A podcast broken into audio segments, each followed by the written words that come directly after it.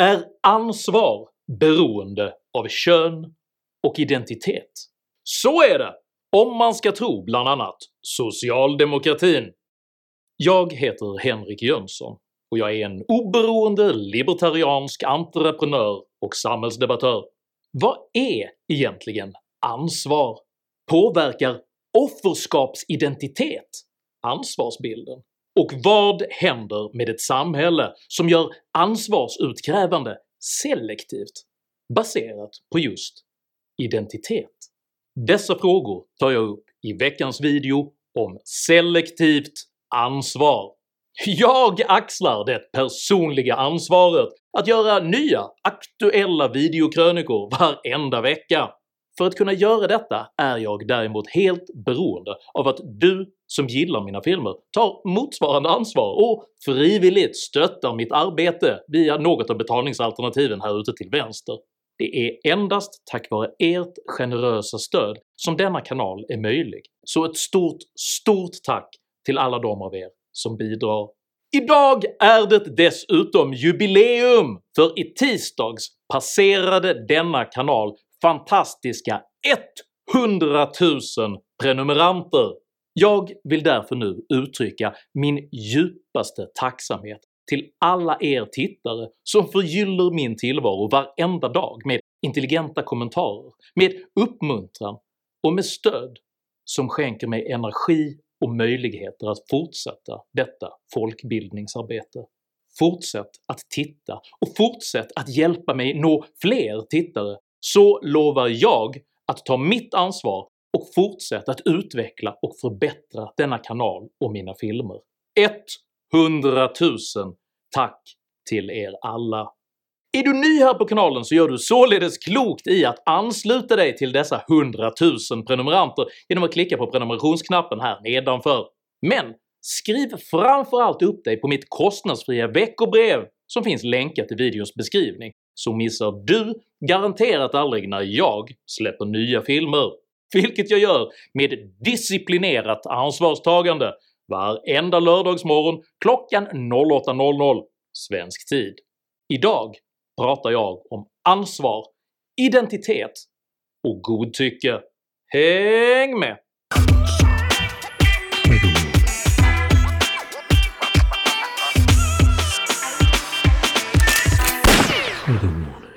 Ordet ansvar stammar ur det protogermanska ordet andasuaro och består av delarna anda, vilket betyder emot, och suaro som betyder allvarligt löfte eller att svära. Att ta ansvar kan således säga vara att acceptera en bindande förpliktelse gentemot någon eller någonting. De flesta anser exempelvis att föräldrar har ett ansvar att ta hand om sina barn, vilka behöver fostras och beskyddas. Flertalet känner även ett ansvar att bete sig anständigt mot andra människor, exempelvis genom att hjälpa nödställda och genom att inte skada oskyldiga. Många känner också ett ansvar gentemot hela samhället och mänskligheten i stort. Man saboterar inte förutsättningarna för människor att leva tillsammans, utan försöker bidra till en bättre värld för alla. Denna syn på människan som ansvarig vilar på föreställningen att hon hyser en egen fri vilja, äger självbestämmande och är myndig. Filosofen Peter Frederick Strawson definierar en moraliskt ansvarig person som en individ som är föremål för klander respektive beröm, det vill säga en person som vi intuitivt tilldelar moraliskt egenansvar för sina gärningar. Ett barn som välter en dyr porslinsvas hålls inte ansvarig på samma sätt som en vuxen. En salongsberusad vuxen som råkar välta samma porslinsvas under ett cocktailparty hålls inte heller ansvarig helt och hållet, även om personens omdöme kan ifrågasättas och vederbörandes förtroende kan få sig en törn. En vuxen person som med nyktert uppsåt marscherar in i ditt vardagsrum och avsiktligen kastar vasen i golvet hålls däremot fullödigt ansvarig för sin gärning. Enklare uttryckt menar Strawson att individens ansvarighet bedöms utifrån hennes förmåga att förstå konsekvenserna av sina handlingar i högre grad än utifrån handlingen i sig själv. Aristoteles hävdade på motsvarande sätt i den nikomakiska etiken att människan endast är ansvarig för sina handlingar när hon handlat frivilligt och med full insikt i handlingarnas konsekvens. Aristoteles menar dock att starka yttre krafter kan ansvarsbefria människan, som till exempel om hon missar ett viktigt möte för att hon fördes bort av en mycket stark vind eller blev kidnappad. Den moderna västerländska kulturen försöker dock ansvarsbefria människan på allt vidlyftigare grunder. Det kan exempelvis räcka att man tillhör en diffust definierad utsatt grupp för att en legitim ansvarsbörda ska ersättas med medlidande och relativiserande förståelse. Men också för en enskild ung kille som begår en sån här förskräcklig händelse. Va? Vad, vad, har den personen varit med om för någonting? Vilka omständigheter har den killen växt upp under? Andra skyller på socioekonomiska faktorer, patriarkala strukturer, internetporr eller till och med på godisutbudet som argument för att bli ansvarsbefriade. Det är ett hälsoproblem detta att eh, vi äter för mycket socker och framförallt är det så att eh, enligt statistiken att ju fattigare människor är desto större risken för att man äter för mycket socker. Det ställer till väldigt mycket skador på hälsan. Jag tycker att, eh, jag ser ju runt om i västvärlden att det finns en eh, växande rörelse för att eh, beskatta energirik föda. Det är sannolikt att människor påverkas både av sina upplevelser och av sina arvsanlag, men det är stor skillnad mellan att påverkas och att styras. Att växa upp under gynnsamma förutsättningar kan exempelvis ge ett större handlingsutrymme jämfört med vad en person som växt upp i fattigdom har, men individens val och gärningar avgör hur väl det utrymme som vederbörande faktiskt har förvaltats, och att vara fattig räcker således inte för att ansvarsbefria individen. Att ha en känd genetisk disposition för exempelvis alkoholism är på samma sätt en biologiskt betingad nackdel i livet, men det är ytterst individens val som avgör om hon börjar dricka eller inte. En genetisk disposition räcker således inte för att ansvarsbefria individen. Oaktat idealistiska önskemål om att alla människor borde ha lika goda förutsättningar måste man även konstatera att selektiv ansvarsbefrielse på inget sätt korrigerar för ojämlikheter. Tvärtom riskerar denna förmenta omsorg istället att stigmatisera individer och grupper med de låga förväntningarnas kvävande förtryck genom att beröva dem deras agens, frånta dem deras autonomi och eliminera deras ansvar, och istället reducera dem till offer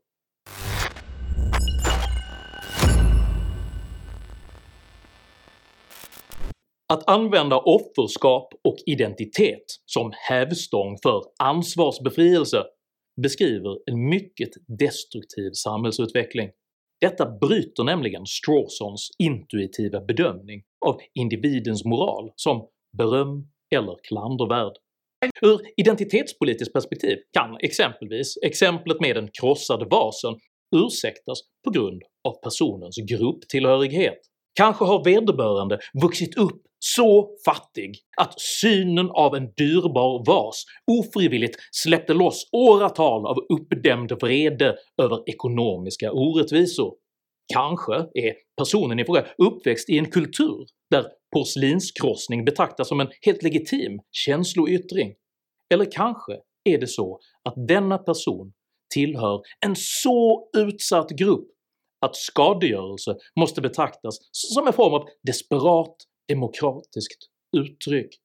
Gemensamt för dessa exempel är att de använder individens identitet för att konstruera ett offerskap för att ansvarsbefria henne. Att på detta sätt utmåla en individ som oförmögen att förstå konsekvenserna av sitt handlande bör även innebära att vederbörande berövas sin status som vuxen, autonom och självständig. Men detta är identitetsrörelsen inte alls lika pigg på. Istället förväntas det identitära offerskapet medge en selektiv ansvarsbefrielse där individen behåller sin fullödiga status och makt och samtidigt ansvarsbefrias i specifikt utvalda frågor. Detta exemplifierades nyligen genom Marita Ulvskogs försvar av socialminister Lena Hallengren i samband med att hennes agerande under pandemin hade kritiserats av coronakommissionen. Ulvskog bemötte kritiken med orden “Säg nu inte att det är den kvinnliga ministern som var cancersjuk som ska få stå till svars för att det fattades beslut under coronaepidemin som inte alltid var optimala. Ulvskog använder alltså Hallengrens kön som argument för ansvarsbefrielse. På snarlikt sätt underkände nyligen S-profilerna Margot Wallström, Annika Strandhäll och Helle Klein all politisk kritik av tillträdande statsminister Magdalena Andersson med hänvisning till hennes kön. Denna könsbaserade argumentation kommer alltså från samma parti som även betraktar könet som en social konstruktion och som på sin egen webbsida skriver “Diskriminering på grund av kön, könsidentitet, sexuell läggning eller ålder ska motarbetas”.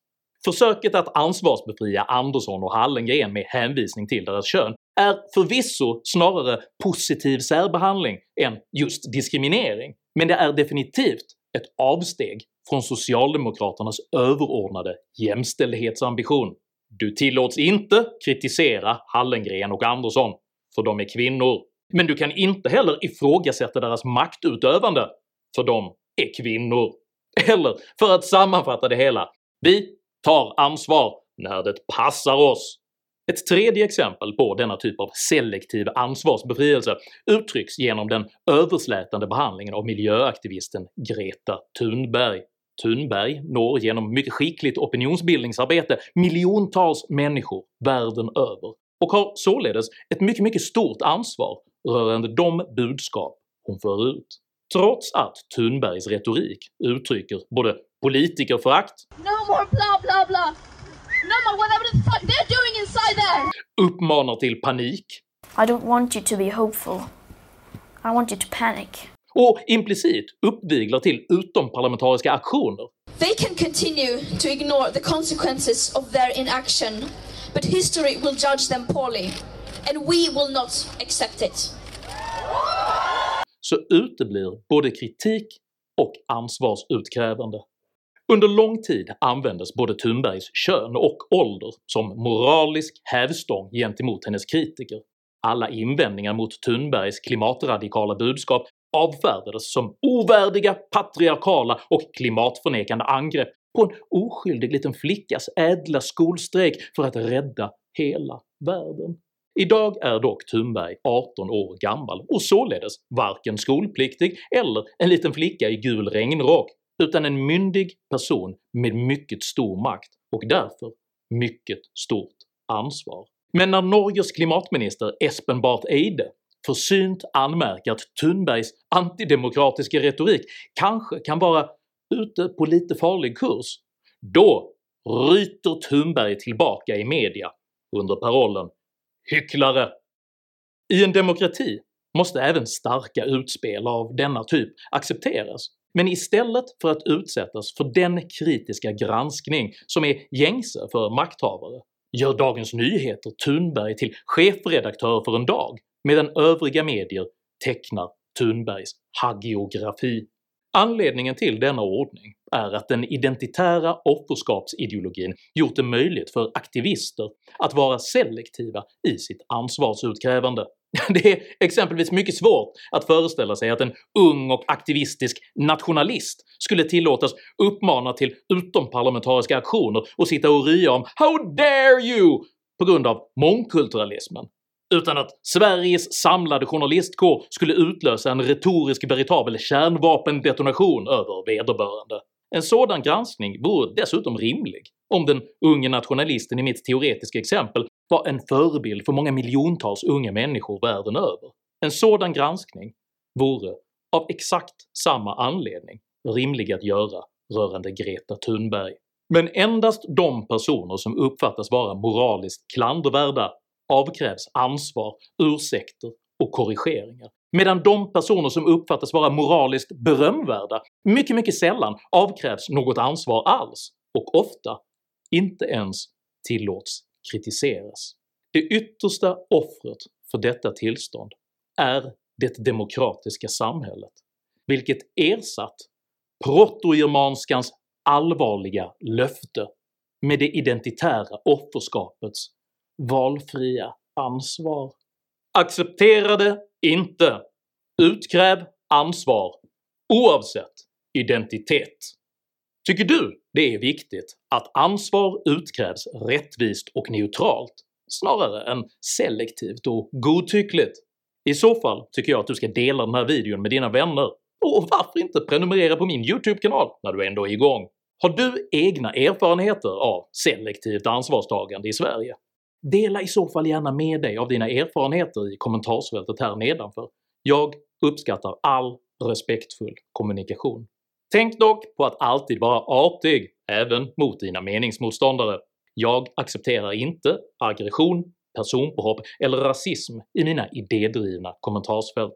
Tack för att du som kommenterar respekterar detta.